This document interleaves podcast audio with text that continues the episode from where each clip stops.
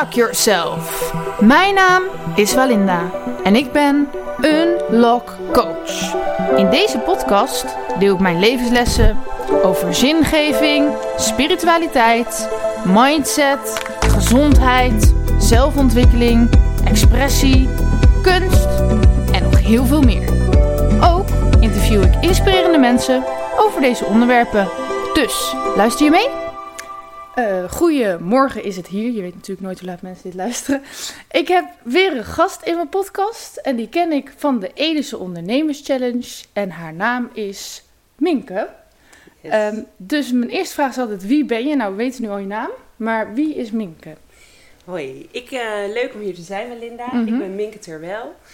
Uh, eh, 35 jaar oud. En um, wie ben ik? Ik hou van, uh, van, van kunst, van dingen ontwerpen, van uh, duurzaamheid. Um, we hebben, wonen hier in Ede. We hebben twee jonge kinderen van 8 en 6. En ik ben getrouwd met Armian. Oké. Okay. en wat is jouw missie op deze aarde? We beginnen gelijk heel diep. ja.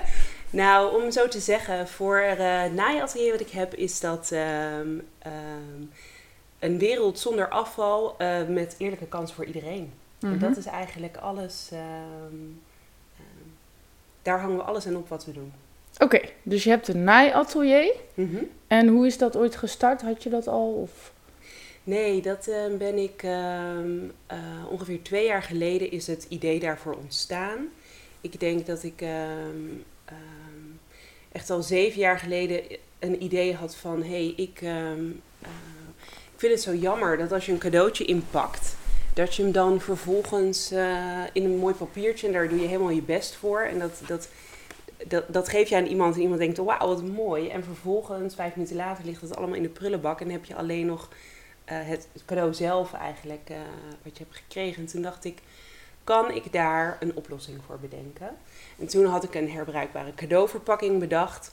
Um, en ik wist niet zo goed wat ik daar, weet je, waar ging ik die verkopen. Mm -hmm. En toen dacht ik twee jaar geleden van, ik ga dat idee verder oppakken. De tijd is daar rijp voor. Um, ben ik gaan maken op onze zolderkamer. Um, die lag al heel snel veel te vol met uh, allerlei stoffen en spullen. En omdat er zoveel mooie stoffen zijn die eigenlijk uh, die gewoon vernietigd worden. En uh, toen ging ik dat maken. En toen dacht ik, ja, ik heb eigenlijk als ik um, hier meer van wil maken, heb ik hier hulp bij nodig. En um, zo ontstond het idee om samen te gaan werken met vrouwen hier in Ede die um, een migratieachtergrond hebben. want ik kwam erachter dat, voor, dat er voor hun helemaal niet zoveel kansen zijn. Mm-hmm. maar dat ze wel heel erg gemotiveerd zijn om iets te gaan doen. Ja. En om de Nederlandse taal te leren. En zo, um, ja, zo is dat ontstaan. Het is echt uh, een, een, soort, uh, ja, hoe moet je het zeggen? Iets wat steeds verder aan het groeien is. Ja, dus je was op een gegeven moment een cadeautje aan het in- of uitpakken. En je dacht, oh wat zonde, dit moet ja. weer in de prullenbak. Oké, okay, denk eigenlijk nooit, stom hè. Maar goed, uh, wel nu iets zegt hoor. En, en, uh, maar die vrouwen, uh, kende je al vrouwen met een migratieachtergrond? Of, want ja, ik hoor wel het verhaal, maar ik denk dan van hoe kwam je die tegen? Ja, um, uh, hoe kwam ik die tegen? Via, uh, ja, via mijn netwerk eigenlijk in eerste instantie. En toen uh, ging ik kijken van wie. Um, toen ging ik ook onderzoeken, gewoon op internet zoeken van. Kijk, het is, een, het is een product wat zich heel erg leent om gewoon praktisch uit te leggen. En um, door gewoon wat verhalen van dichtbij kwam ik erachter dat deze vrouwen dus niet zoveel kansen hebben, maar wel heel graag willen. Uh, dus daar ben ik toen verder naar gaan, uh, gaan uh, onderzoeken. Oké. Okay. En hoe komen jullie aan je materialen? Ja, die komen um, via kringloopwinkels. in eerste instantie, ze kwamen, komen ook bijvoorbeeld via de Restore. Daar komt heel veel binnen. Er komen heel, komt natuurlijk heel veel kleding binnen. Maar er komt ook heel veel, komen ook heel veel lap, lappen textiel binnen. En die, uh, een deel wordt uitgesorteerd en, uh, en komen wij één keer in de zoveel tijd ophalen. Um, maar ook uh, via bedrijven die bedrijfspanden leeghalen of huizen leeghalen waar heel veel lappen stof liggen. Ik word ook regelmatig opgebeld van ik zag je website en ik zie dat jullie dingen maken van lappen stof. En eh, ik heb nog mijn, eh, eh, mijn zolder opgeruimd en ik ben nog een paar mooie lappen tegengekomen. Kunnen jullie daar wat mee? Ehm, en dat is ook ontzettend leuk. Oké. En dan ga je dat met de auto ophalen of met een vrachtwagen? Of, eh? Ja, met deze auto. Ja, Ja, nee, ik, probeer eens ook voor me te zien hoe groot het allemaal ja, is. ja. of- ja. Ehm, hoe kom je aan je productidee, dus aan eh, ja, het idee om iets te gaan maken? Ja, ehm, hoe ontstaat een idee? Dat is lastig om te zeggen. Ik ben, eh, ik heb de kunstacademie gedaan, productontwerpen. Ehm, en daarvoor heb ik gekozen omdat, eh, omdat ik hou van iets creëren en om, om na te denken over ehm, kunnen we oplossingen bedenken voor, ehm, voor problemen die er op dit moment zijn of die we ervaren. Ik denk dus dat dat is, iets is wat, wat gewoon in je zit. Eh, ja, dus zo, zo ontstaat een idee eigenlijk. Je ziet, je, je hebt een bepaald, ik, ja, ik heb een bepaald soort drive om iets te doen. Ik zie een probleem, ik denk daar kan iets beter voor. Ik eh, ga een oplossing bedenken. Oké, maar ja, maar dat is in, in principe natuurlijk... Dat, ehm, nou, ik weet niet of elk mens het heeft, maar eh, veel creatieve mensen hebben dat. Mhm. Maar hoe komt het dan dat jij het op dit onderwerp hebt? Dat vraag ik me wel echt af. Eh, op eh, duurzaamheid bedoel je? Ja, en ook eh, gewoon met, met cadeauverpakkingen. Ja. Tenminste, ik kom er nooit op, zeg maar. Nee.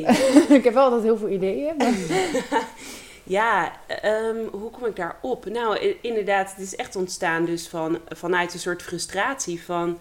ehm, je krijgt een cadeau, Mhm. dus stel je voor, je krijgt een luchtje. Ja. Dat luchtje zit in een kartonnen verpakking. In die kartonnen verpakking zit nog iets om dat luchtje mooi vast te houden.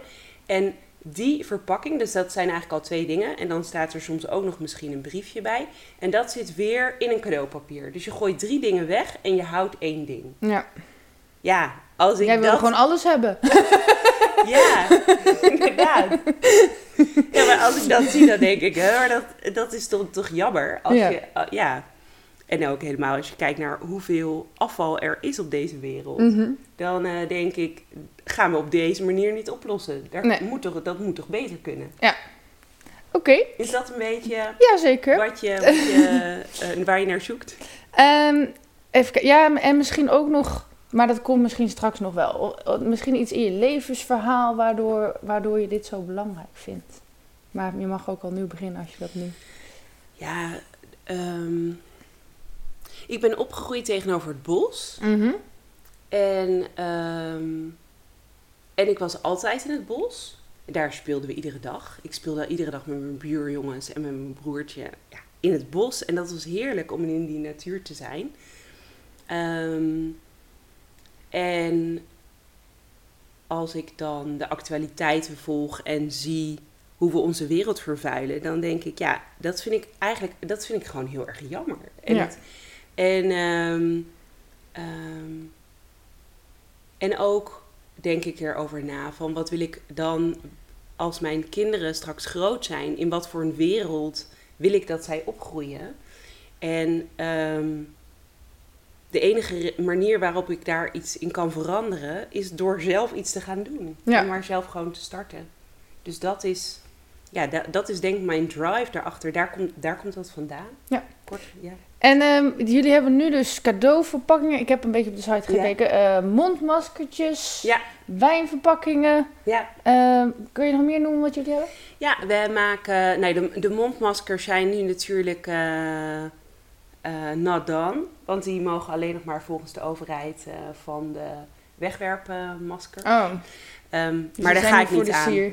Ja, nee, ik blijf stug mijn, er, mijn eh, wasbare masker dragen. Want ik wil geen wegwerpmasker. Ja. Maar ehm, we maken inderdaad verschillende soorten cadeauverpakkingen. Ehm wijnfleshoezen.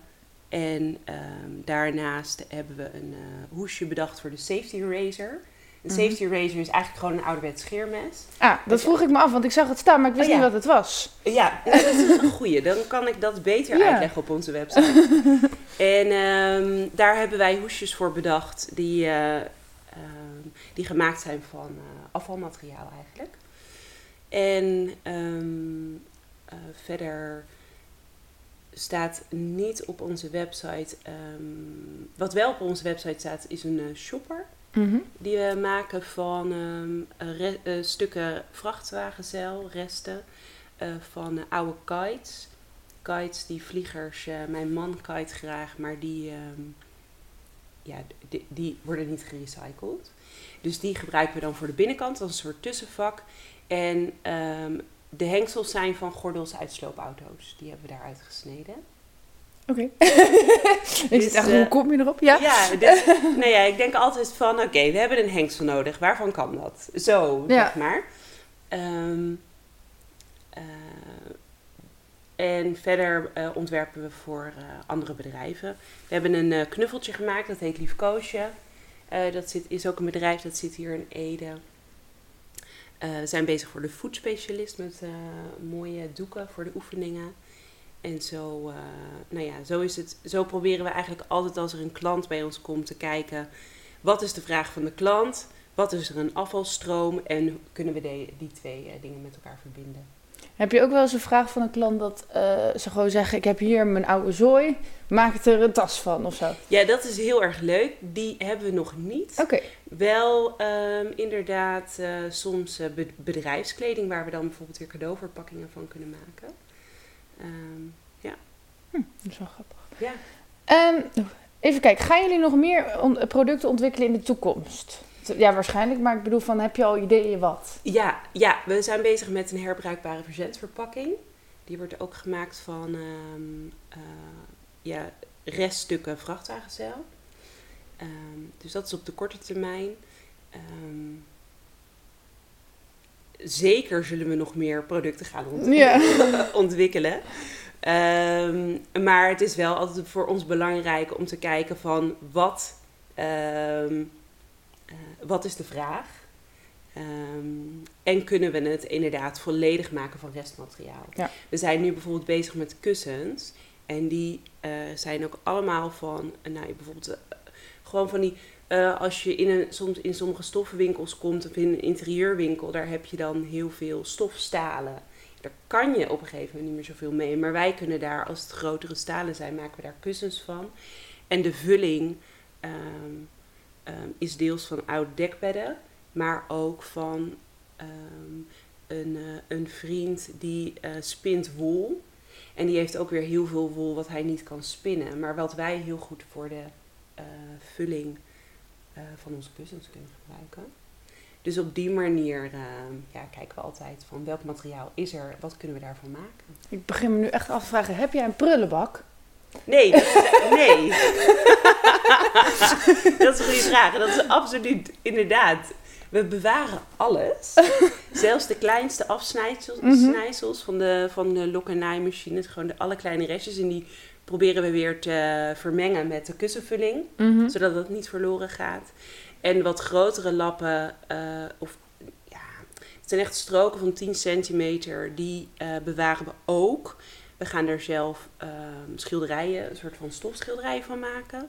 Maar laatst heeft eh, Rianne van Kick-Ass Quilting Mhm. heeft daar ehm, ook een hele tas van opgehaald. En zij kwilt daar weer mee. Dus ja, Misschien nog heel even voor de luisteraars die niet weten wat quilt is. Ja, quilten is eigenlijk allemaal eh, kleine lappen stof aan elkaar naaien tot Mhm. één grote mooie doek, kussen. Ja. Ehm, dat kun je weer voor allerlei manieren. Maar thuis heb je wel gewoon een afvalbak, toch? Gewoon dat je... of ga je Zo- voedsel ook eh, met kunst... Nou, ik ben inderdaad bezig om uit ehm, eh, alle groenteafval die ik heb, om daar alle kleurstof uit te onttrekken. mhm. En om daar weer eh, wit linnengoed, wat ook. ehm, ehm, ja, ja, wat misschien niet per se zo interessant is voor onze cadeauverpakkingen. Want ja, dan heb je allemaal witte cadeauverpakkingen. Om die, dat, maar er is wel heel veel eh, wit linnengoed. Om dat daarmee te kleuren. Oké. Dus op een natuurlijke manier.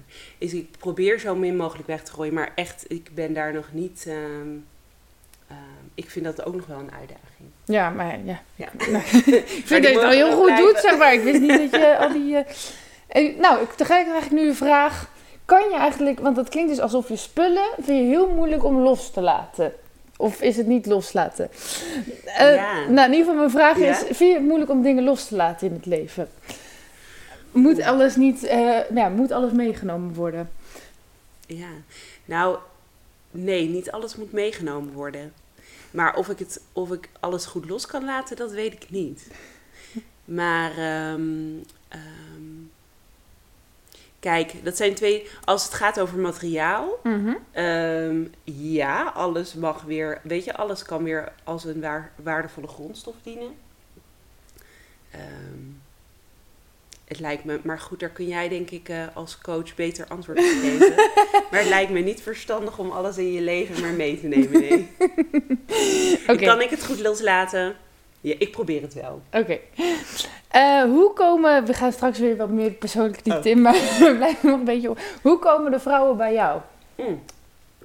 Ik slik even mijn thee door. Ja, Ehm. zulke confronterende vragen. Nee. Nee. Ehm, ja, via, ehm, via onze netwerk ook eigenlijk. Ehm, via op het moment dat wij eh, op zoek zijn naar vrouwen, dan, dan heb ik een aantal mensen in mijn netwerk waar ik eh, aan, aan vraag van joh, ik, ik, eh, we zijn weer op zoek naar vrouwen om op te leiden. Maar op dit moment eh, en dat gaat bijvoorbeeld via een Flower Power of een eh, stichting eh, Stabiel. Dat zijn stichtingen die zich inzetten hier in Ede. Ehm, en op dit moment hebben we ook, heb ik ook contact met Werkkracht om een werkervaringsplek te worden. Dus dan komen de mensen die een uitkering hebben bij ons via hun terecht. Nee, werkkracht, is dat van de gemeente? Ja. Oké, Klopt, werkt samen met de gemeente. Ja. oké. Goed eh, voor elkaar. Ja, Eh, is even dus kijken. Maar gewoon een beetje proberen. Maar aan welke indicatie moeten de vrouwen voldoen eh, om mee te mogen doen? Zeg maar, kan iedereen meedoen? Of... Ja, onze primaire doelgroep, zeg maar echt de, de vrouwen voor wie, ehm, voor wie we dit in eerste instantie zijn gaan doen, zijn vrouwen met een migratieachtergrond in Ede. Mhm. En het maakt niet uit of je een uitkering hebt of eh, hoe lang je al in Nederland bent. Ehm, want waar ik achter kwam is dat ehm, je vlucht, waar dan vandaan ook, en je komt hier in Nederland. ehm, en dan kom je in een uitkering terecht en dan kom je in, eh, in een inburgering terecht. En op een gegeven moment krijgt vaak de man krijgt werk. Mhm. En over het, het is gewoon vaak zo dat de vrouwen dan thuis blijven bij de kinderen. En op het moment dat je je inburgeringscursus gehad hebt en je taallessen hebt gehad, dan moet je dat natuurlijk ook blijven oefenen. Want anders zakt die taal weer zo weg. En dat gebeurt eigenlijk bij heel veel vrouwen. Ook omdat het lastig is om, om een goed netwerk te bouwen in Ede. Waar je gewoon eh, ja, vrijwel iedere dag dat je echt even een tijdje Nederlands spreekt. Ehm, en dat, dus dat is, dat is wel echt een probleem. Mhm. Ehm, en op het moment dat je taal verslechtert, wordt het steeds moeilijker om aan een sociaal netwerk te werken of aan, om aan werk te komen. En eh, ik vind mezelf er geen type voor, maar ik ben ook een vrouw, maar niet met een migratieachtergrond. Ja. Zou ik eh, bij jullie komen, kunnen komen werken als ik dat wil? Of snap je, waar zit de Ja. grens? Ja, ehm, eh, nou kijk, we zijn natuurlijk wel een naaiatelier, dus dat, eh, Mhm. dat moet je leuk vinden. En in eerste instantie zijn de, is het, het vak van naaister is echt wel ehm, bedoeld voor de vrouwen met een migratieachtergrond. Oké. En ehm, ehm, om die een stap verder te helpen. Maar er werken ook eh, een, een- vrijwilligers die, die de vrouwen weer gewoon helpt in, de, eh, in het stukje van hoe word ik wegwijs hier in Nederland? Hoe moet ik formulieren invullen? Ehm, maar ook gewoon heel praktisch van, oh ja, hoe span je zo'n lokmachine ook weer in en de naaimachine? Of dat je daar met je vraag terecht kan. Ehm, zou je graag bij ons willen werken? Nee, ik probeer gewoon zeggen. jouw doelgroep. Ja, ja, eh, ja. Ik vind je heel gezellig, maar het is niet mijn soort werk. Nee, nee dus, maar is de doelgroep op deze manier duidelijk? Ja, Ja. nou, dan heb ik alleen nog de vraag. Stel nou Ja? dat er toch mannen heel graag willen komen Ja. naaien. Mag het dan? Ja, ehm, ik zou niet zeggen dat het niet mag. Oké.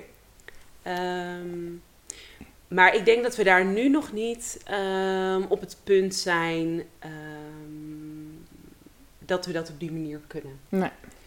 Ehm, ja, omdat we eigenlijk dit, dit stukje met en wat, wat wij voor deze vrouwen betekenen nog aan het eh, eh, opbouwen zijn. Ja. En ik kan me heel goed voorstellen, want er zijn eh, juist in, in het buitenland is het vak als kledingmaker gewoon ook echt een heel erg een mannenvak. En eh het is ook echt een vak van status. En het is ook echt een kunst als je dat goed kunt. Ehm, dus ik kan me voorstellen dat zoiets in de toekomst wel zou kunnen. Ja. Of dat het weer een soort van andere afdeling wordt. Of een, een, een goed, wie weet. Terwijl in Nederland zien we dat helemaal niet. Tenminste, eh, ik, zou, ik kan dat helemaal niet, hè. Dus ik zie sowieso iedereen die dat wel kan, zie ik aan als status. Maar over het algemeen zien we in Nederland kledingmakers niet als iets hoogstaands of zo. Best wel Nee. zonde. Ja, precies. En er stond nog een heel leuk artikel in de Trouw afgelopen weekend. Mhm. Dat, ehm, ehm, dat dat in Frankrijk echt wordt gezien als een vorm van kunst. Wanneer je dat Hmm. goed kunt. En ehm, dat is het ook echt. Ja. Dat is ontzettend knap. Ik ben zelf ehm, productontwerper en geen kledingmaker. Maar ehm, degene met wie ik eh, veel samenwerk en eigenlijk al twee jaar samen optrek om dit zo eh, verder op te bouwen is Agnes Buitelaar. Zij heeft de textielstudio Artistiek. En zij is coupeuse. En zij tekent uit haar hoofd. Zij meet mijn maat op. Zij tekent uit haar hoofd een t-shirt wat mij gewoon goed past. Oh, zo iemand wil ik ook wel in mijn leven. Ja. nou ja, dat kan dus. en dat is echt, eh, ja, dat is echt wel een vak apart. En dat is echt knap als je Ja. dat kunt. Dat is echt wel een kunst te noemen. Ja, oké. Eh, even kijken hoor. En hoe ziet nou, de, je hebt al een beetje verteld van taallessen, Ja. maar eh, een vrouw komt bij jullie binnen. Mhm. Hoe ziet het traject eruit van het begin tot einde? Ja, Ehm, op dit moment hebben we voornamelijk gewerkt aan ehm, een, een stabiele basis opbouwen voor, ehm, gewoon voor ons naaiatelier, dus met vak- vaste werknemsters. Mhm. Dus die hebben in die zin, eh, dat is nog geen werkervaringsplek in die zin dat ze een specifiek traject volgen. Maar wat we nu hebben gedaan is dat we hebben gekeken van, ehm, zijn er vrouwen die graag dit werk zouden willen doen? En ehm, wij hebben hun naailes gegeven ehm, en gewoon stap voor stap meegenomen in het stukje productiewerk. En eh, dus die basis hebben we nu neergezet. En op dit moment heb ik contact dat er taallessen wel eh, gegeven gaan worden Mhm. in ons atelier.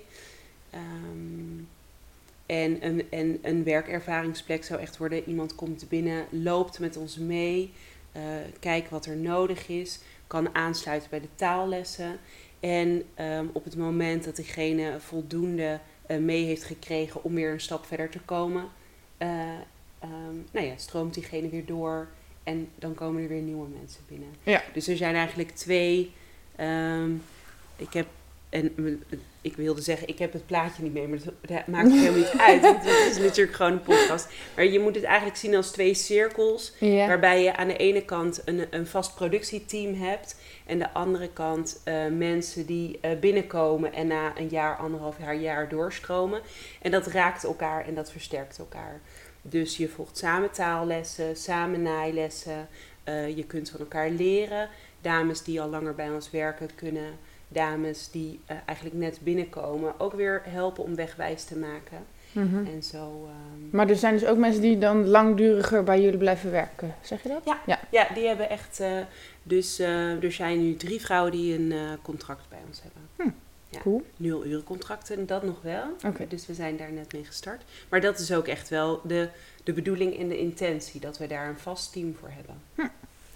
Oké. Eh, wat vind jij het leukste aan je werk? Ik vind de combinatie van ehm, het ontwerpen eh, en het stukje ehm, eh, duurzaamheid en de sociale cohesie en, en dat, dat, die combinatie die vind ik heel erg, eh, daar, daar, ja, daar ga ik van aan. Oké. Ehm, en omdat, het daan, omdat ik daarmee het idee heb van... hé, hey, maar ik kan daadwerkelijk eh, iets betekenen voor iemand. Ehm, en ik kan ook nog producten ontwerpen. Want dat is wel aan het begin van mijn eh, opleiding... of tijdens mijn opleiding een soort van struggle geweest... van een product ontwerpen hier in Nederland. Het is allemaal best wel prijzig. En voor wie maak ik het dan? En ik wil niet iets moois maken voor mensen die al rijk zijn. En nee, ik wil ehm, daarmee iets bijdragen aan een duurzame wereld en een inclusieve wereld. Mhm. Dus dat, ehm, dat vind ik het leukste van mijn werk. Het is wel heel grappig dat je dit nu zegt, want je zegt voor wie maak ik het dan? Maar mijn volgende vraag is dus Ja. voor wie maken jullie nou eigenlijk Ja. de producten? Precies. Nou, we, dus het wordt in Nederland gemaakt, wat eigenlijk gewoon betekent dat producten vrij prijzig zijn. Mhm. Maar de andere kant is dat onze producten super lang meegaan. Dus ehm, ik heb de cijfers niet uit mijn hoofd, maar als je ehm, eh, als een cadeauverpakking 50 keer meegaat, eh, dan is dat, eh, staat dat gelijk aan 8 rollen cadeaupapier. En, en als je een beetje mooi luxe cadeaupapier koopt, ben je daar zo, weet je wel, dan, dan heb je daar 20 euro aan uitgegeven, terwijl onze cadeauverpakking 7,95 kost. Ehm, plus je hebt nog een heleboel papier bespaard. Dus voor wie maken we het? Echt voor mensen die zeggen, nou, ik zie de waarde in ehm, van iets dat herbruikbaar is en hier in Nederland met zo'n mooi doel geproduceerd is. Ehm, Maar is dat nog een bepaalde leeftijdscategorie? ehm of, eh, ja, de mannen? meeste, ja, de meeste mensen die bij ons kopen zijn vrouwen van een jaar of 30, 40. Dat, is, de, dat, dat is ja, meestal. En eh, het ook toch wel het meeste in de Randstad. Hm. En, ehm, en in de wat grotere steden. Maar goed, wie weet. eh, dat, dat gaat vast zich verder verspreiden. Ja, maar het liefst heb je natuurlijk dat iedereen gewoon jullie cadeauverpakking zou gebruiken, toch? Ja, Het is niet, natuurlijk. Nee, maar dat- soms hebben mensen een product dat is echt bedoeld voor maar één doelgroep. ja, Maar dit is natuurlijk voor iedereen bedoeld. Ja, zeker. En, we, en achter de schermen zijn we nu ook aan het werken aan een soort tracking systeem. Waarbij je dus kan kijken van ehm, wie heeft de cadeauverpakking gebruikt. En dat je als gebruikers daar zelf eh, een soort logboek van bij kan houden. Ja, dat zag ik staan op je website. En toen dacht ik, daar moet ik ook naar vragen. Want jij zocht nog iemand die je daarbij kon helpen. Ik dacht, dan kan je gelijk die oproep doen. Ja, dat is het. nou, ik heb, nu, ehm, ik heb nu mijn twee neven, die gaan mij daarbij helpen. Om Oh, oké. eh, dus je hebt al iemand gevonden. Ja, en dat is wel ontzettend fijn. Mhm. Want ehm, ja, dat kan ik gewoon niet zelf. Dus dan heb je een cadeauverpakking. Ja. En dan zit er een soort barcode op of zo. Hoe Ja. moet dat zien? Er zit een QR-code op en een Ja. unieke code in het label. En die kun je dan gewoon ehm, invullen Mhm. op onze website. En dan kun je zeggen, ik heb deze van die en die gekregen. Misschien een foto erbij zetten. Dat is waarschijnlijk... ehm, en dan ehm, eh, kun je zeggen van eh, waar, aan wie je hem weer geeft. Of wat, je er, wa- wat erin heeft gezeten. En dan kun je dus helemaal zien waar, je, waar die is geweest, zeg maar. Ja, waar die is geweest. En je kunt ook eh, daarmee zien waar die ehm, vandaan is gekomen. Zelfs tot, eh, tot de stoffen wil ik het uiteindelijk doen. Komen de stoffen bij de restore vandaan? Eh, zijn het de stoffen die ik van de buurvrouw heb gekregen? Op die manier. Dus zo krijgt het product een steeds langer verhaal Ja, eigenlijk.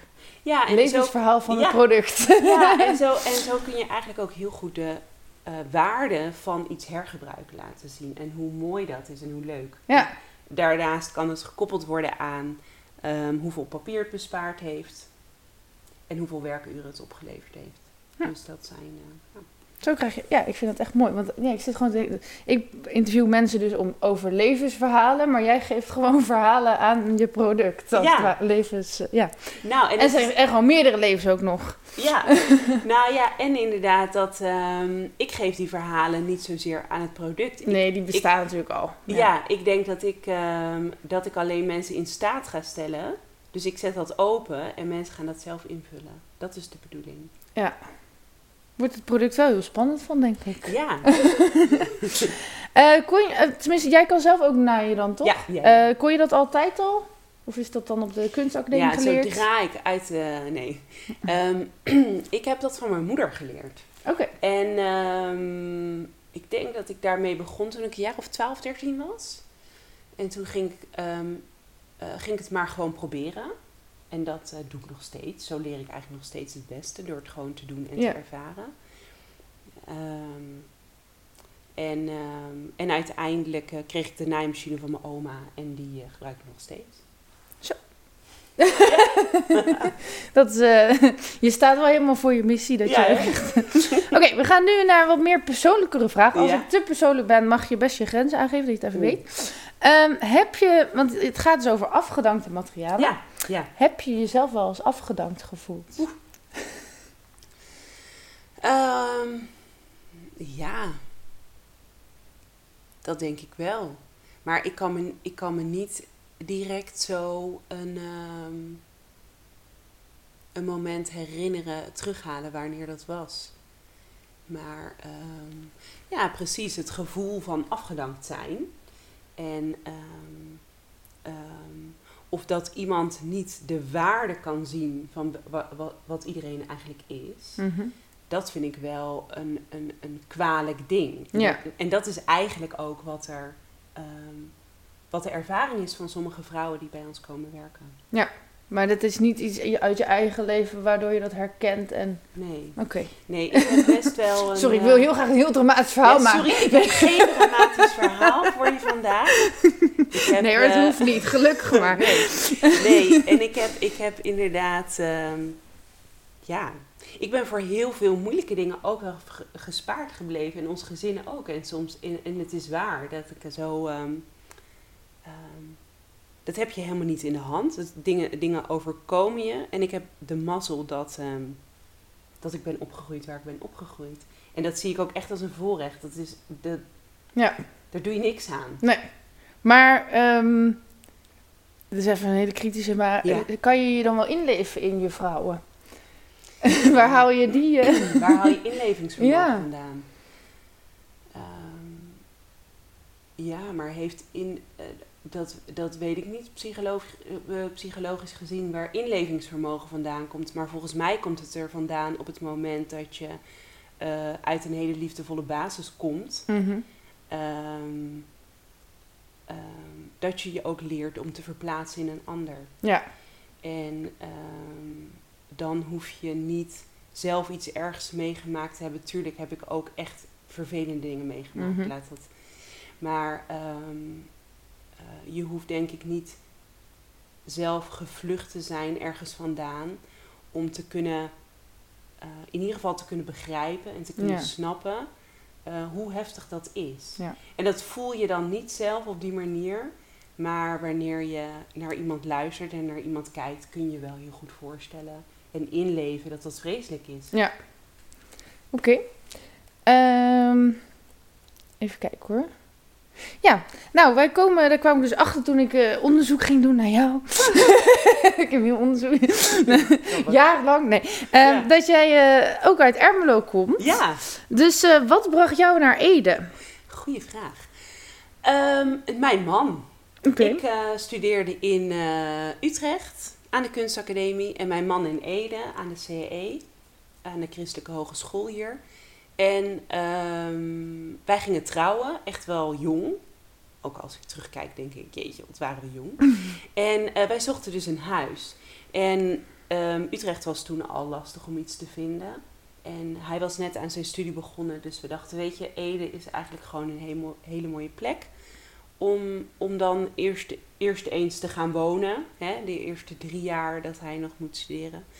En, ehm, en het was ook dicht bij het bos. En wij houden allebei van bos. Mijn man komt ook uit Ermelo. Oké. Ehm, dus dat bracht ons naar Ede. En eh, dat heeft ons ook hier gehouden. Ja. Al twaalf en half jaar.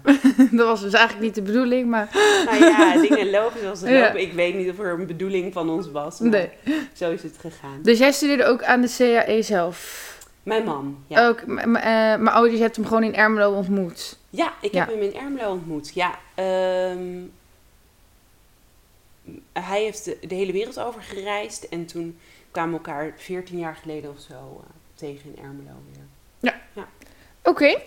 Ehm, wat voor opleiding, als ik, ja, mijn vorige van vragen weet ik ook niet precies, maar ik hoef Oh. ook niet tijd kritiek op mezelf te hebben. Wat Nee. voor opleiding heb je allemaal gedaan? Ehm, ik heb ehm, eerst de MAVO gedaan. Mhm. Dat was toen nog de MAVO en nu is het VMBO. En toen ben ik naar het eh, MBO gegaan in Zolle, het uh, CIBAP. was echt een, ook een leuke opleiding, gewoon een hele creatieve opleiding.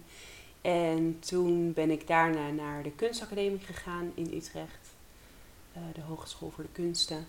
En um, dat was hem. Vervolgens, daarna heb ik nog um, um, een tijd heb ik nog in de zorg gewerkt bij Quintus als Mhm. uh, woonbegeleider. Maar daar heb je geen opleiding meer. Ik heb geen opleiding daarvoor gedaan, maar ik heb wel um, verschillende certificaten gehaald zodat ik dat werk kon doen. Oh ja. Um, en ik weet niet eens meer precies welke. maar iets met omgaan met agressie en uh, uh, verschillende um, theorie over psychologie, over. Ja, en ik denk dat je die ervaring ook weer heel goed kan gebruiken met het begeleiden van uh, deze vrouwen. Ja. Toch? Ja. ja, en dat is ook wel, eigenlijk komt het hier gewoon samen, de dingen die ik leuk vind. En producten ontwerpen en de, de, de sociale kant daarvan. Ja. Oké, okay.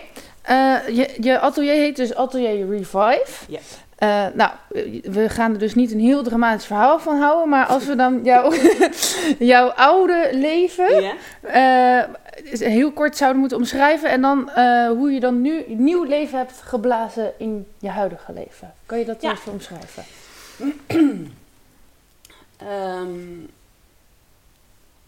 ik um, had bij Quintus gewerkt, of ik werkte nog bij Quintus, toen kregen we twee kinderen. En um, we werkten beide onregelmatig en dat was gewoon een, een soort chaos. We zagen elkaar alleen nog maar op uh, zondagmiddag soms.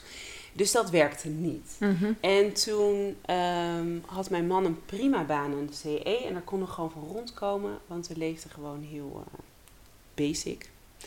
En toen zeiden we, nou weet je, dat, we vinden het belangrijker dat we uh, gewoon samen zijn als gezin. Dus toen ben ik gestopt bij Quintus en toen ben ik meer mijn kunstenaarswerk op gaan pakken.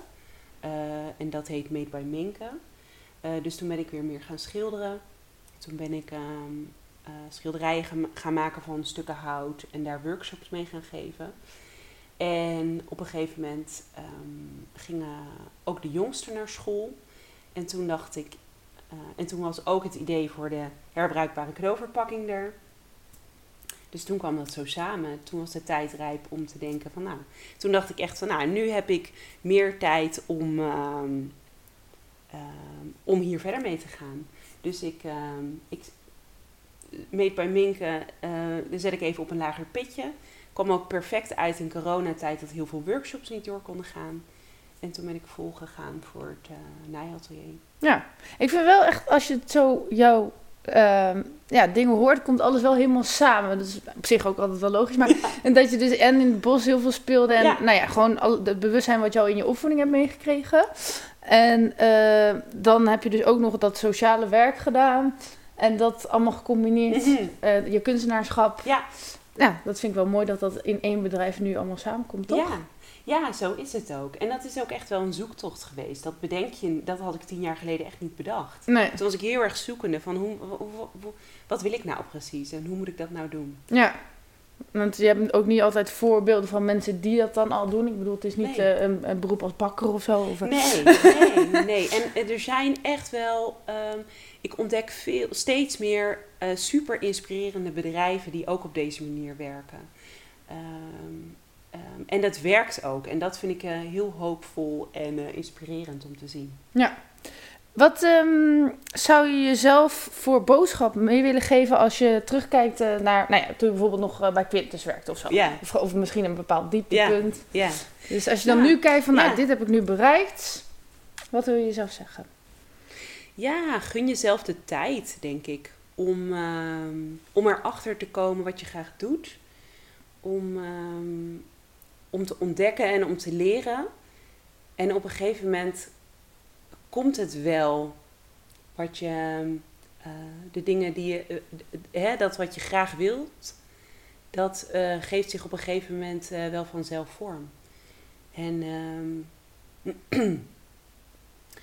en, um, en, en wat een van de lessen is die ik denk, nou ja, denk ik nog de rest van mijn leven te leren heb, is gun jezelf ook de tijd om iets op te zetten. En het hoeft niet allemaal nu. Nee. Maar dat vind ik echt een hele moeilijke les. Want het liefst doe ik altijd... Ja. Ja. En waarin, eh, ehm, ik heb dat ook een beetje dat ik altijd veel te veel tegelijk wil. Ja. Ehm, maar eh, hoe merk je dat? eh, ja, loop je daar ook echt in vast, zeg maar? Ik stort dan gewoon in wat ik gewoon te veel doe. Mm. Ja, ik merk, nou, ik merk soms aan mezelf dat mijn hoofd dan een beetje vol begint te raken. Ehm, en, en kijk, aan de ene kant ehm, zie ik heel veel kansen en mogelijkheden voor allerlei dingen. En, ehm, en dat is ook mijn kracht. En daar geniet ik ook van.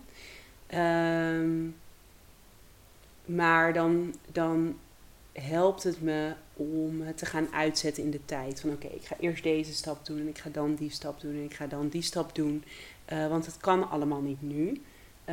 En dan probeer ik er een logische volgorde in te vinden. Ja, ik vind jou dus best wel gestructureerd. Dat zei ik Oh, toen ja? al die eerste keer. dat ik- ja, maar jij vindt het wel niet. Maar ik vind Nee, echt ja. ook gewoon als je jouw site je bent echt wel gefocust of zo. Ik heb altijd honderd dingen tegelijk waar ik mee bezig ben. Maar Oh, voor ja. mij voelt het wel alsof je echt maar één ding doet. Ja, hoe zeg je dat? Het is natuurlijk wel, je brengt dingen samen, Ja, maar je hebt wel echt een focus ding. ja. Ja, en dat was echt wel een tijd zoeken. Sorry, ik moet even mijn... eh, Ehm, want ik heb ook nog de cadeauverpakkingen onder Made by Minke gehad. Ja.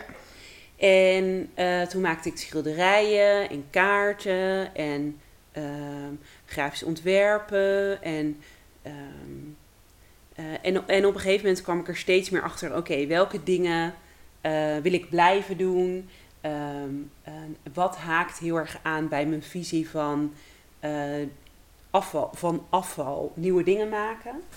En de afgelopen nou, twee, drie jaar ben ik erachter gekomen: oké, dat is echt mijn ding. Mhm. Eh, zeg maar, zorgen dat er grondstoffen die er gewoon nu op dit moment zijn en eh, op de afvalhoop eh, terechtkomen, daar ga ik mee aan de slag. In combinatie met dat sociale. Dus ik kan nog steeds heel veel doen. Mhm. Ehm, maar ik heb er inderdaad wel voor gekozen om dat voor Made by Mink en voor ehm, het naaiatelier, voor Atelier Revive, om die twee wel los te koppelen. Ja, maar by Minke doe je ook nog, toch? Of? Ja, Ja, doe ik nog wel. dat is meer Iets op een je- lager pitje, want dat Ja. is wel een keuze die ik heb moeten maken van... ehm, eh, ik kan dat niet ook vol blijven doen. Nee. En het naaiatelier. Dus dat komt echt wel weer. Ja.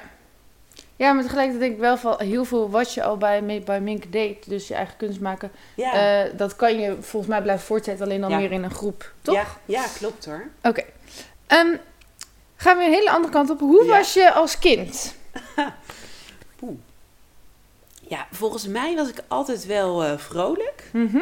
Ehm, en als ik, ehm, als ik eh, hoor wat mijn, ehm, mijn moeder eigenlijk al eh, altijd zei van, van de jongs af aan van nou, je was altijd al gewoon bezig met dingen bedenken.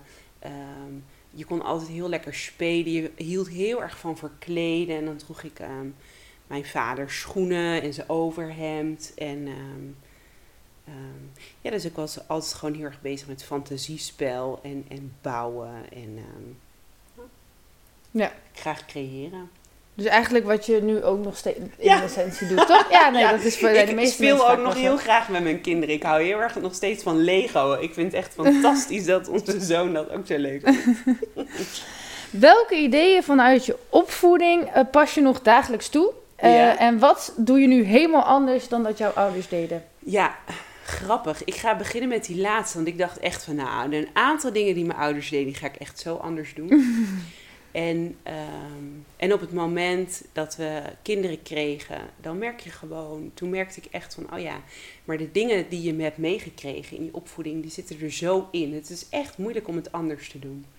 Dus ik heb mijn ouders vroeger wel eens kwalijk genomen van, waarom deed je dat nou zo? Hè? Dus wat ik net zei, Mhm. ik heb echt een super fijne opvoeding gehad. Maar natuurlijk waren er ook dingen Ja. die, eh, waarvan ik dacht dat had wel anders gekund. En toen merkte ik zelf van jeetje, wat is het moeilijk om dingen anders te gaan doen dan hoe je ze geleerd hebt. Dus ehm, waar ik echt een keuze in heb gemaakt om anders te doen is om meer eh, proberen gevoelens onder woorden te brengen. Eh, over dingen te praten. ehm, dat heb ik ook heel erg geleerd door mijn man. Want wij komen niet zo uit een praat... We komen wel uit een praatfamilie, maar meer uit een, een gezellige, grappige praatfamilie. Ehm, ehm, en je gevoelens delen is gewoon lastig. Volgens mij is dat wel iets typisch Ermeloos eigenlijk.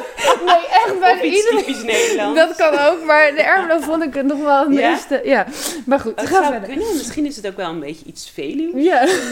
Ja, dat zou En ook wel kunnen. van bepaalde generaties natuurlijk. Is ook waar. Wij zijn echt wel een andere generatie in die zin. Hè? Mhm. Ehm, ehm, en wat ik meeneem is dat, eh, want dat was je andere vraag, hè? Wat neem ik mee? Ja, dus wat wil je helemaal Ja. anders doen? Nou, dat is dus over Ja, gevoelens praten. precies. En wat neem je mee? En wat neem ik mee is ehm, eh, dat er altijd iemand was. En dat er altijd iemand klaar stond. En op het moment dat er, ehm, hè, dat, gewoon in de kleinste eenvoudigste dingen, als er iemand ergens opgehaald moest worden of wat er. Tuurlijk, je bent er gewoon voor elkaar. En dat is, ehm, dat is altijd iets heel vanzelfsprekends geweest, maar het is wel iets ontzettend moois. En ehm, als ik daarover terugdenk, denk ik, oh ja, dat, dat, dat is een, een hele veilige basis die ik vanzelfsprekend vond, maar die echt niet zo vanzelfsprekend is. Nee. Dus die, eh, die neem ik mee. Oké. Stel dat er nu ehm, andere eh, moeders of misschien wel vaders luisteren, eh, maar die ook aan het ondernemen zijn of een Ja. stichting hebben of in ieder geval zo'n, ja, zoveel Zoiets. ambities Ja. eh, als jij zeg maar. Hoe combineer je eh, ondernemerschap met opvoeden en wat Ja. zijn je tips daarin? Poeh. Nou, dat vind ik best wel. ehm, ik zeg voor mezelf altijd: ik ben in eerste instantie moeder. Want ehm, ja, ik heb er, eh, wij hebben ervoor gekozen en het kon ook om kinderen te krijgen. En natuurlijk wordt het je dat gegeven, maar nee, goed, je kiest er Ja. natuurlijk ook voor in die zin. Ehm, en de- dus dat vind ik gewoon in eerste instantie heel belangrijk. Dat ik er ben voor de kinderen. Dus ehm, wij zorgen samen met mijn man zorgen ervoor dat we ze uit school halen. ehm, dat we er eh, zijn. Als ze th- dus thuis zijn uit school of in het weekend. Dus dat we er dan de- dat we er zijn. Maar goed, ondertussen is er wel gewoon heel veel te doen voor mijn werk. Dus dat vind ik best wel eens een uitdaging. Kijk, het is niet zo dat we nooit oppas hebben of zo hoor. Dat doen we Mhm. ook. Maar ehm, dus de momenten dat ik thuis ben, probeer ik er ook echt te zijn. En, ehm, en dan, dat betekent wel dat ik heel vaak werk in de avonden. Ja. En, ehm, maar goed, omdat, omdat de relatie met eh, mijn man net zo belangrijk is, hebben wij echt de vrijdagavond is heilig. Die is voor ons, dan eten we samen, eh, dan hebben we een gezellige avond samen. En het weekend proberen we ook gewoon echt eh, zoveel mogelijk voor gezin en familie te hebben. Dus ehm, ja, daar, daar moest ik voor mezelf wel echt duidelijke keuzes in maken. En, ehm, en daar moet ik me ook zelf wel regelmatig aan herinneren om me daar echt aan te houden. Ja. Ja.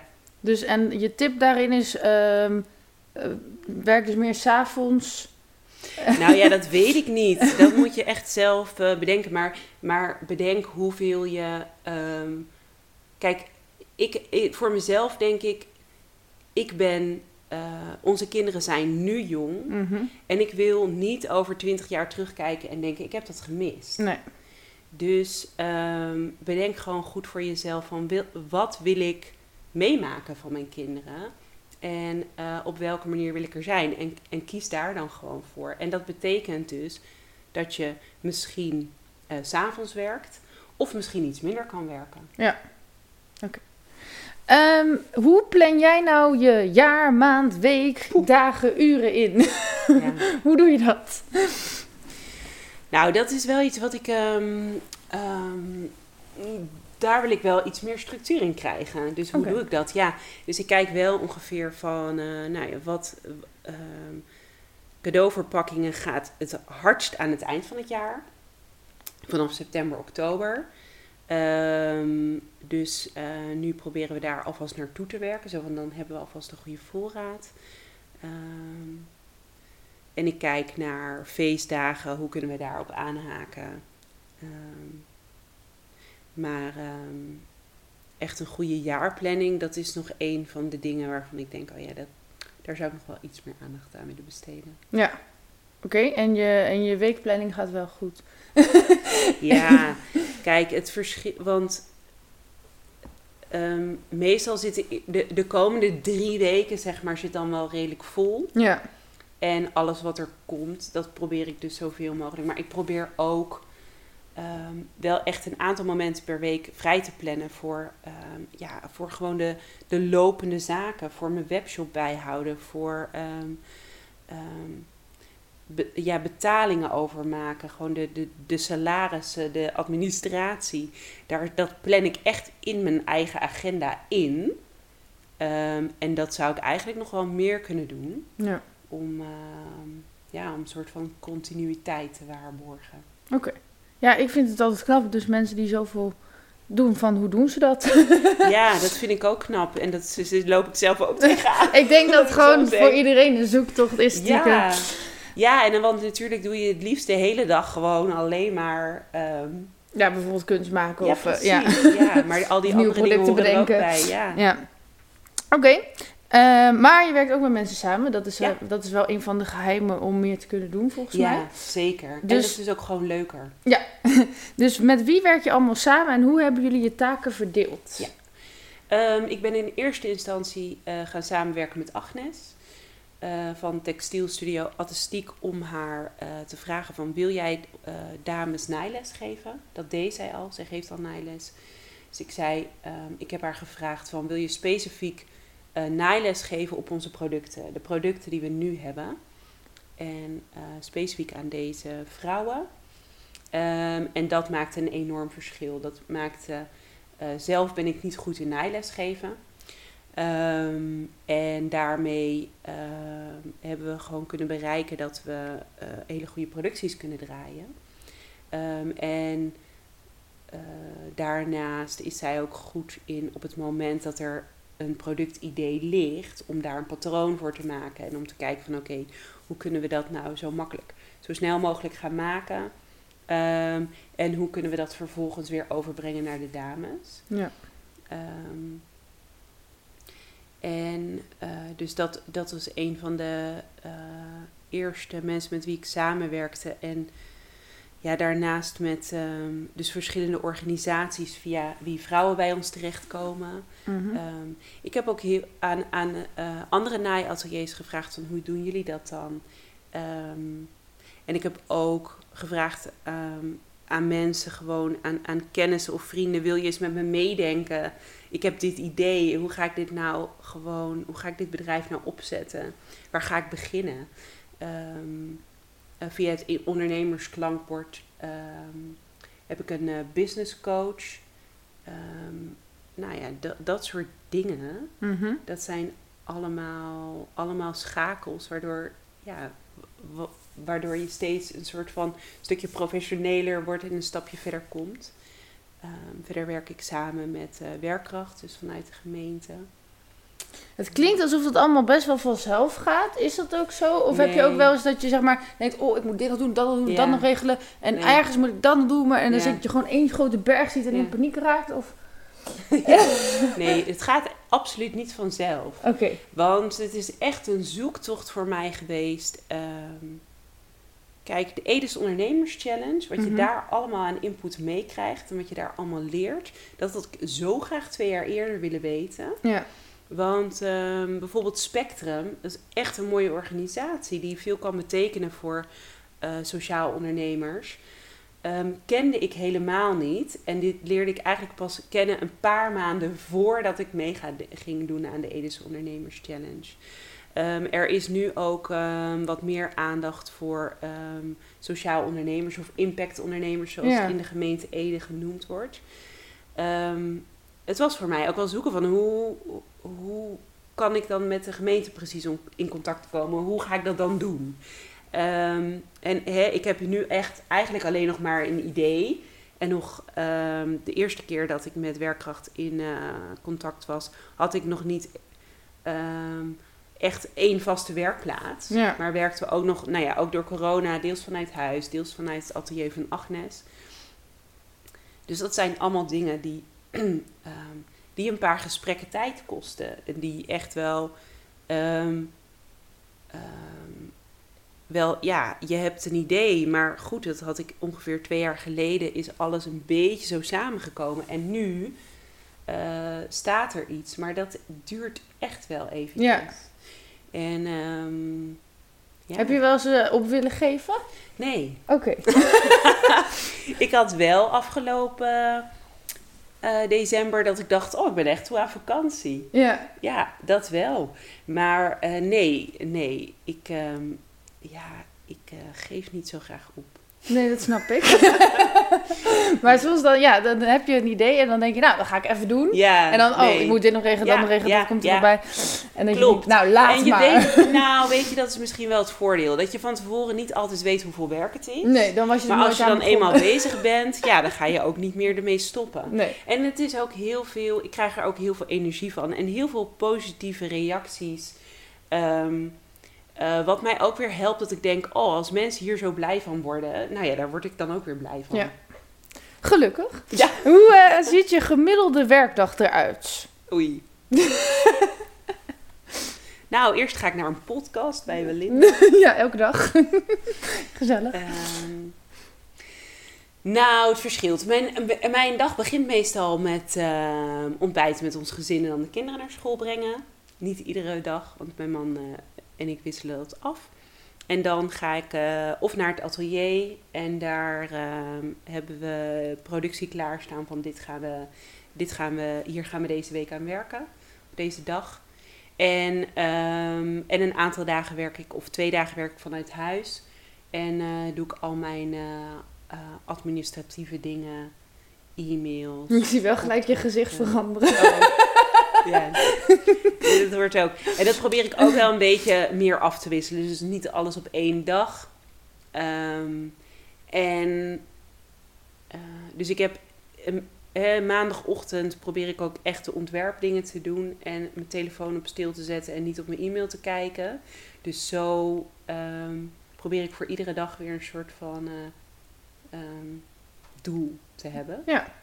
En maar dat klinkt weer- best wel gedisciplineerd. Was je dat altijd al? eh, ja, in die zin wel. Eh, eh, ja, want ik ben niet zo van het. ehm,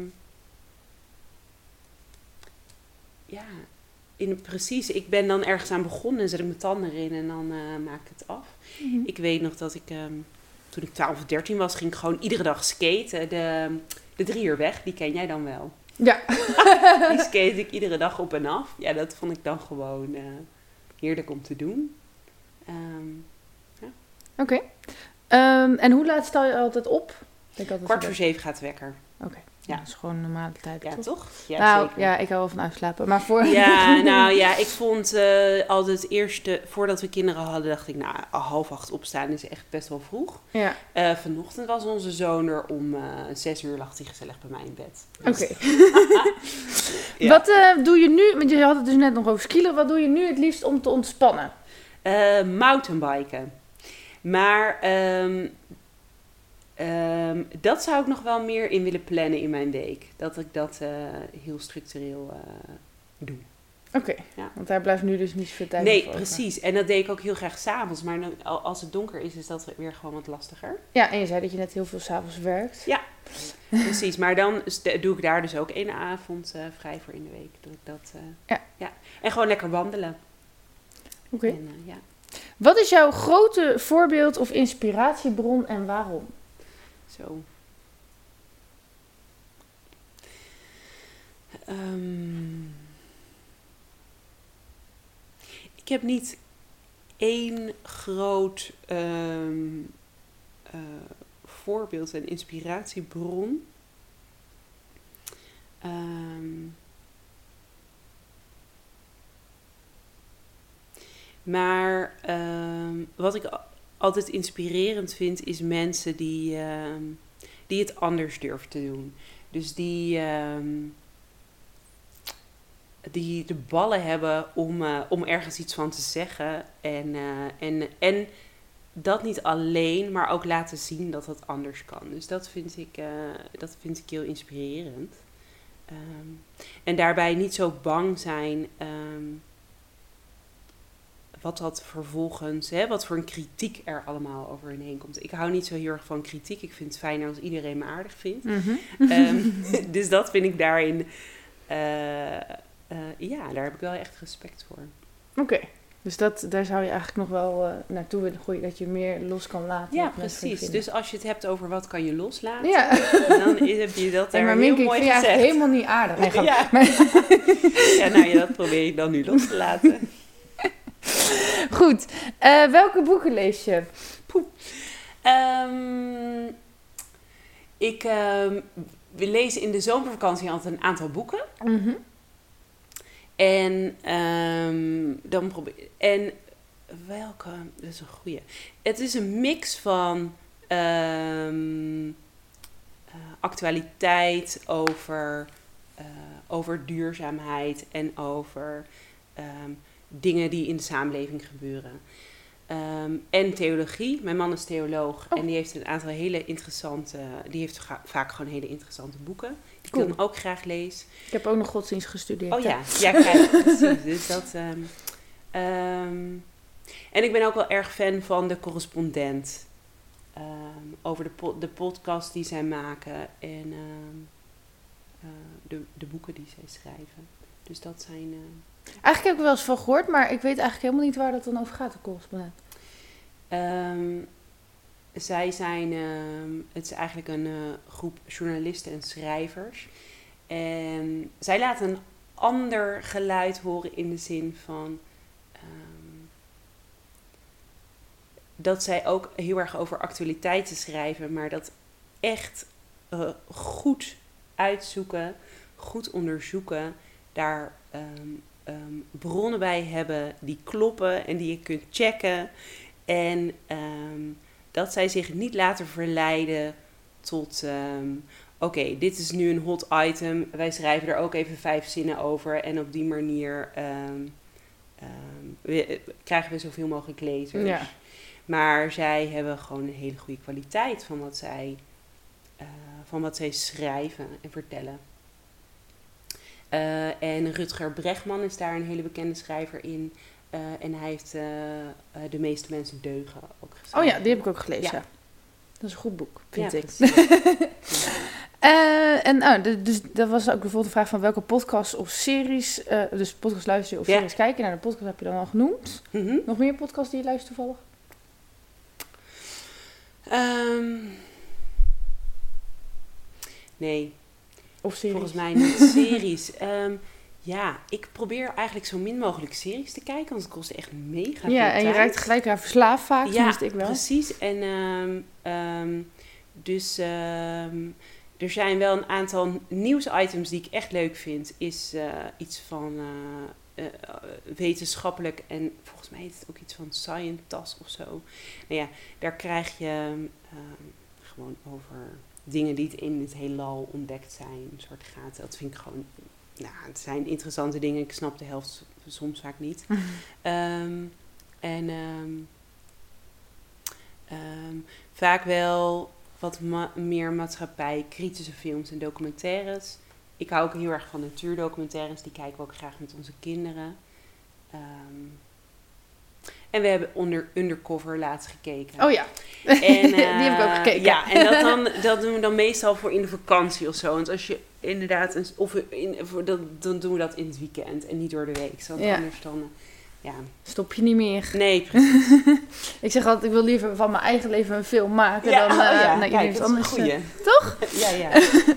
Oké, eh, ja, ik hoorde jou zeggen, ehm, of ik hoor jou best wel vaak zeggen, mensen die het anders doen, maatschappij, kritische dingen. Ja. Dus ehm, eh, wat gaat er niet goed in de maatschappij, waarom moet het anders? Ja.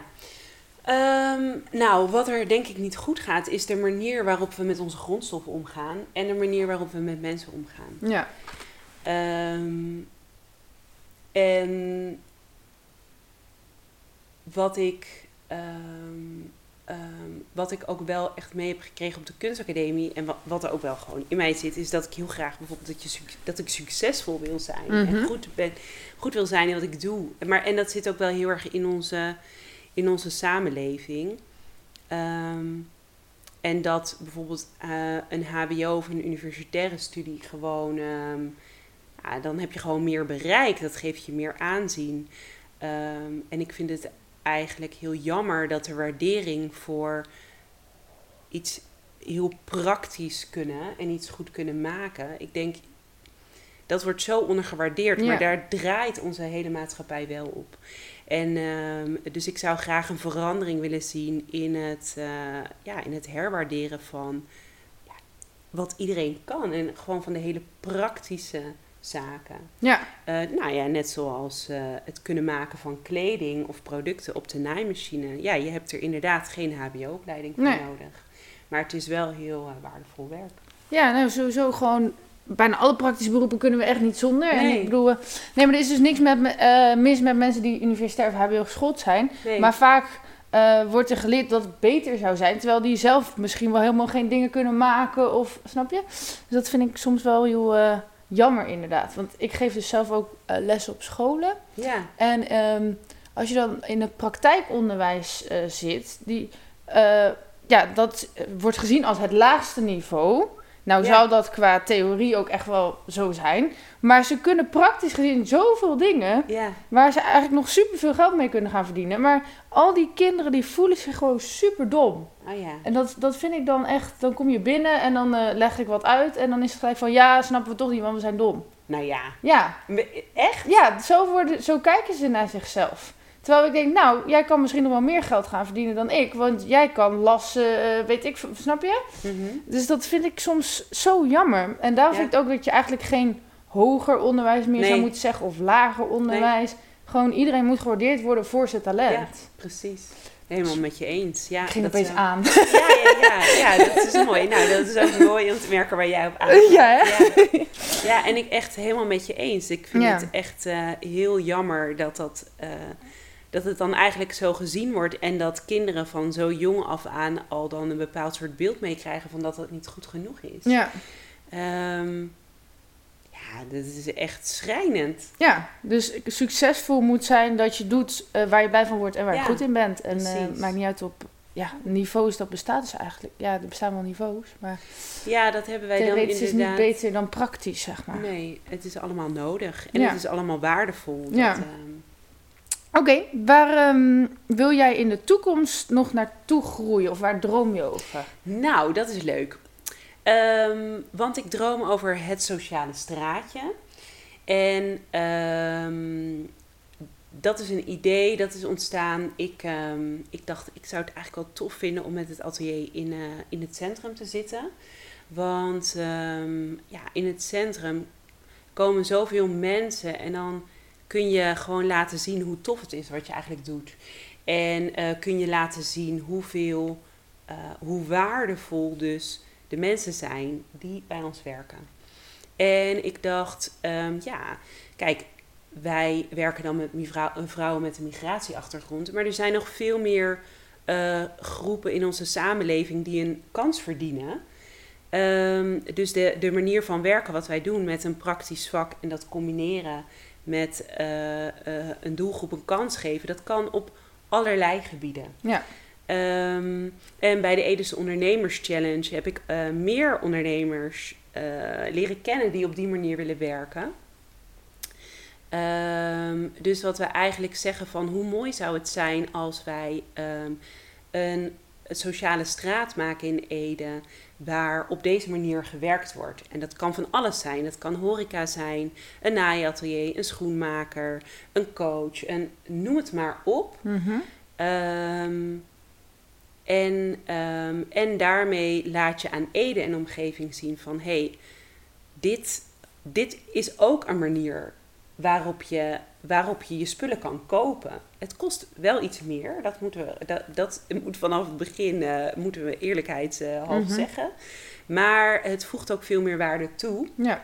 Ehm, dus dat is een droom, daar, eh, daar, we, daar werken we naartoe.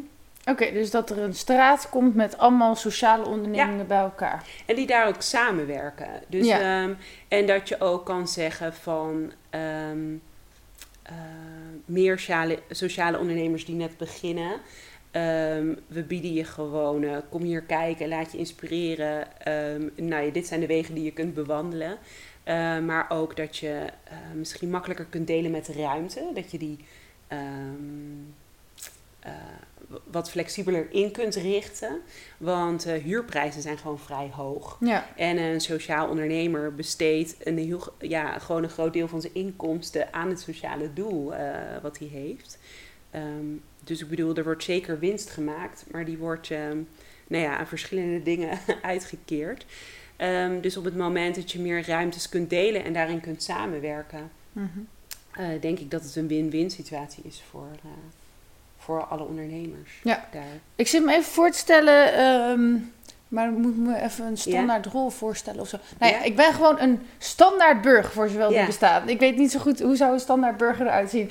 Maar Zoals ik. bedoel, nee, maar gewoon, ja, weet ik veel.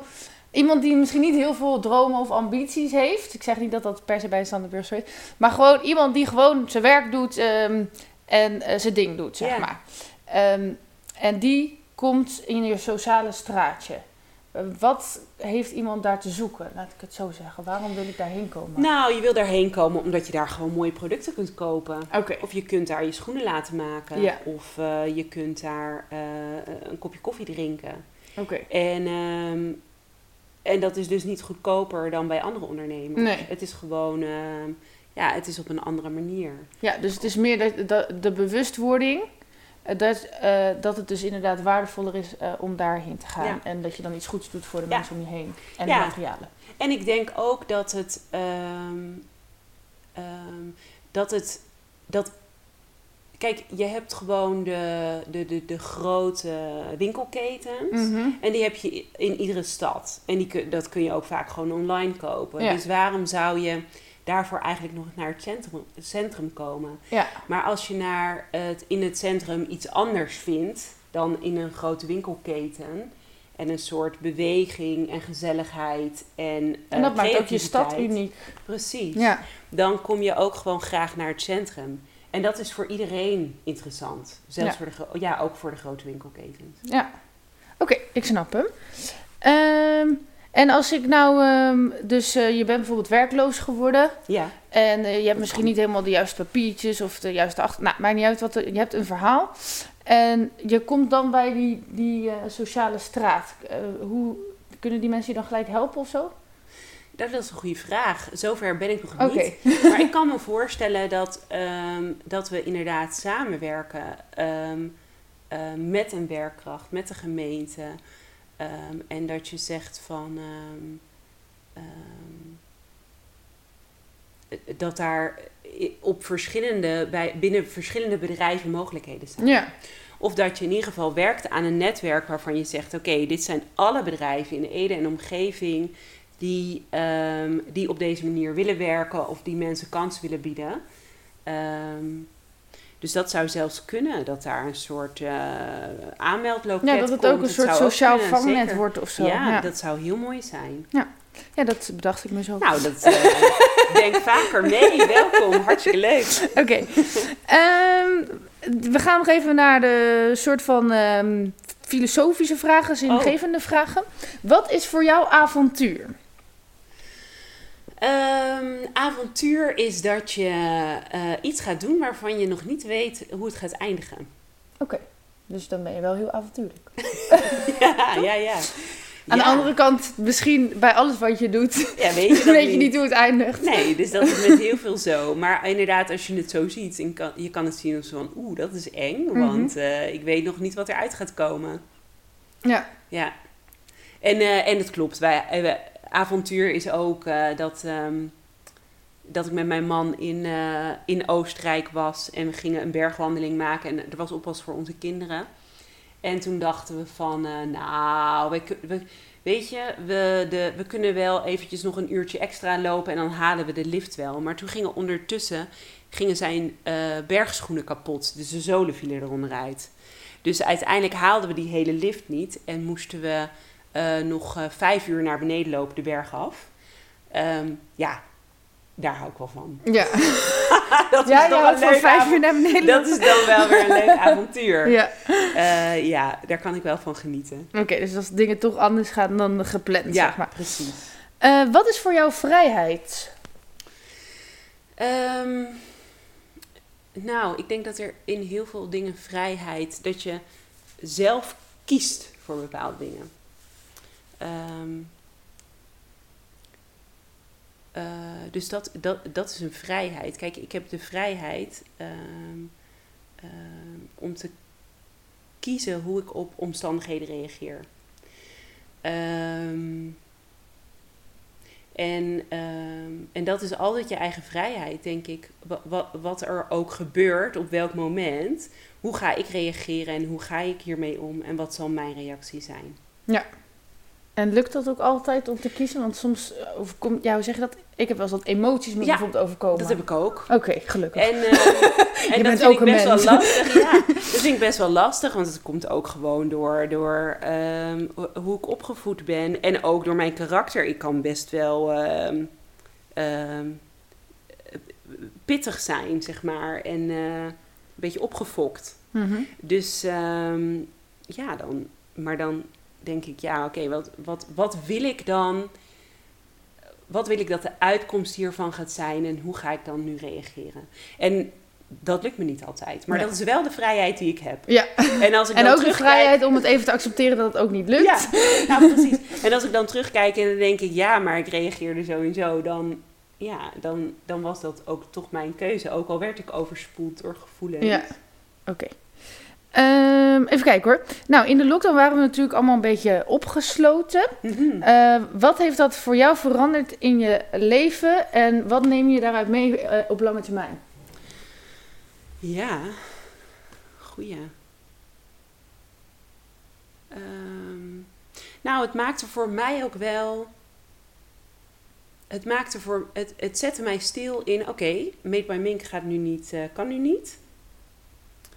Ehm, eh, het atelier kan wel. Oké. Nou, eigenlijk wil ik daar ook wel heel graag voor gaan. Dus, ehm, dus het, heeft voor mij wel, het heeft eigenlijk een soort van keuze voor me gemaakt, waar ik heel erg blij mee ben. En, het, en ehm, wat ik daarvan leer is dat ik dus, dat het heel belangrijk is dat ik zelf soms ook gewoon die keuze maak. En dat het betekent dat ik sommige dingen niet kan doen. Ja. En ehm, eh, dat is een les die ik aan het leren ben. Dus beperking is eigenlijk eh, een deel van je vrijheid. Ja. Toch? Ja. Oké. eh, nou, je zei al dat je man dus theoloog is. Ja. Ehm, waar geloof jij in of wat voor spirituele stroming hang je aan? Wat wil je daarover kwijt? Ehm, ik ben christen, zo noem ik mij. Al gaan we niet naar de kerk. Dat is meer gewoon een. Ja. Ik ben ook christelijk opgevoed. Ehm, maar ik denk dat ik in de kerk waar ik opgegroeid ben heel erg. Het ging over. ehm, zeg maar meer, ja, hoe, hoe moet ik dat goed zeggen? Zeg maar meer van, ehm, we doen, we, aan de buitenkant zien we eruit en iedereen, hè, voor, voor de, onze omgeving zien we er heel christelijk uit, maar ondertussen als niemand, iemand, niemand kijkt, dan, ehm, nou ja, doen we andere dingen. Dus ehm, ik ben heel erg in, eh, in doen wat je gelooft. En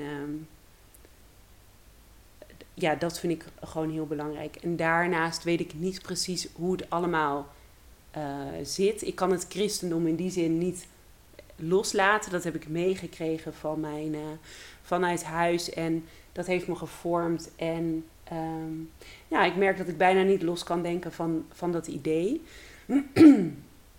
en dat ook nog steeds heel troostend vind. Ehm, maar hoe de, de dingen precies in elkaar zitten, weet ik niet. Maar ik geloof dus wel heel erg in, ehm,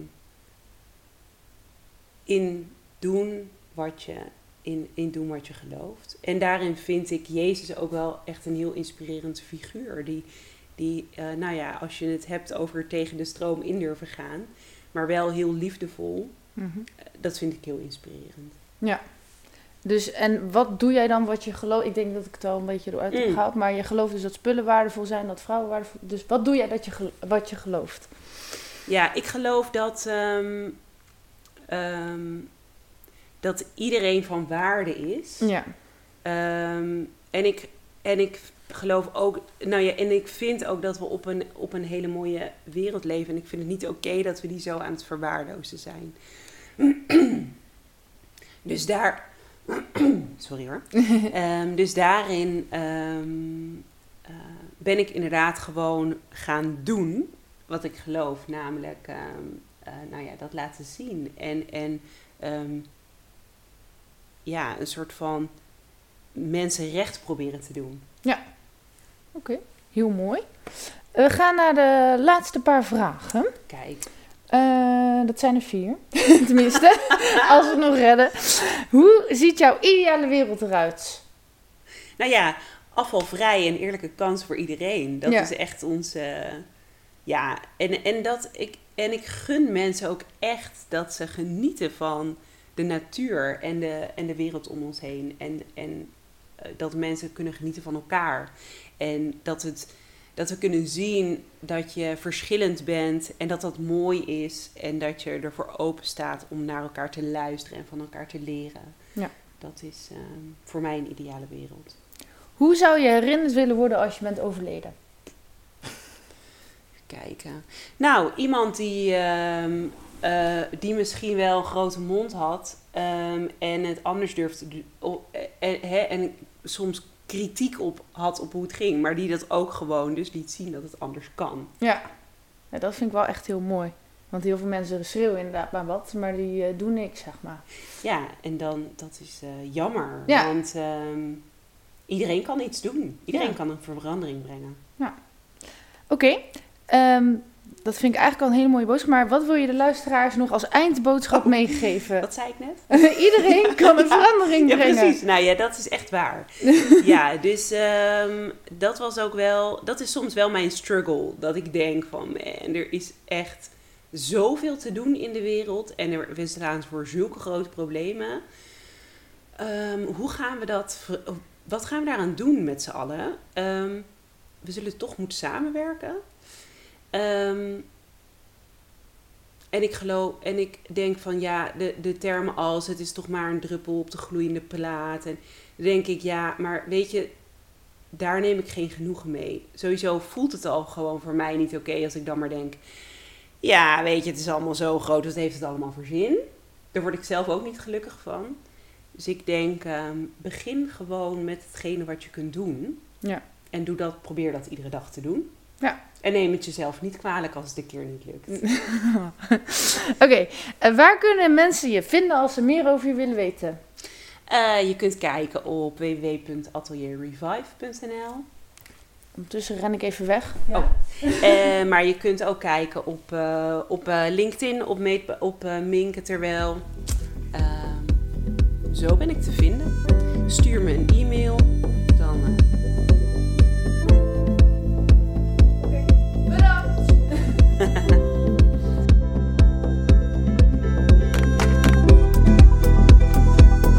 Meer weten? Ga naar belinda.nl of volg mij op Facebook en Instagram. Doei!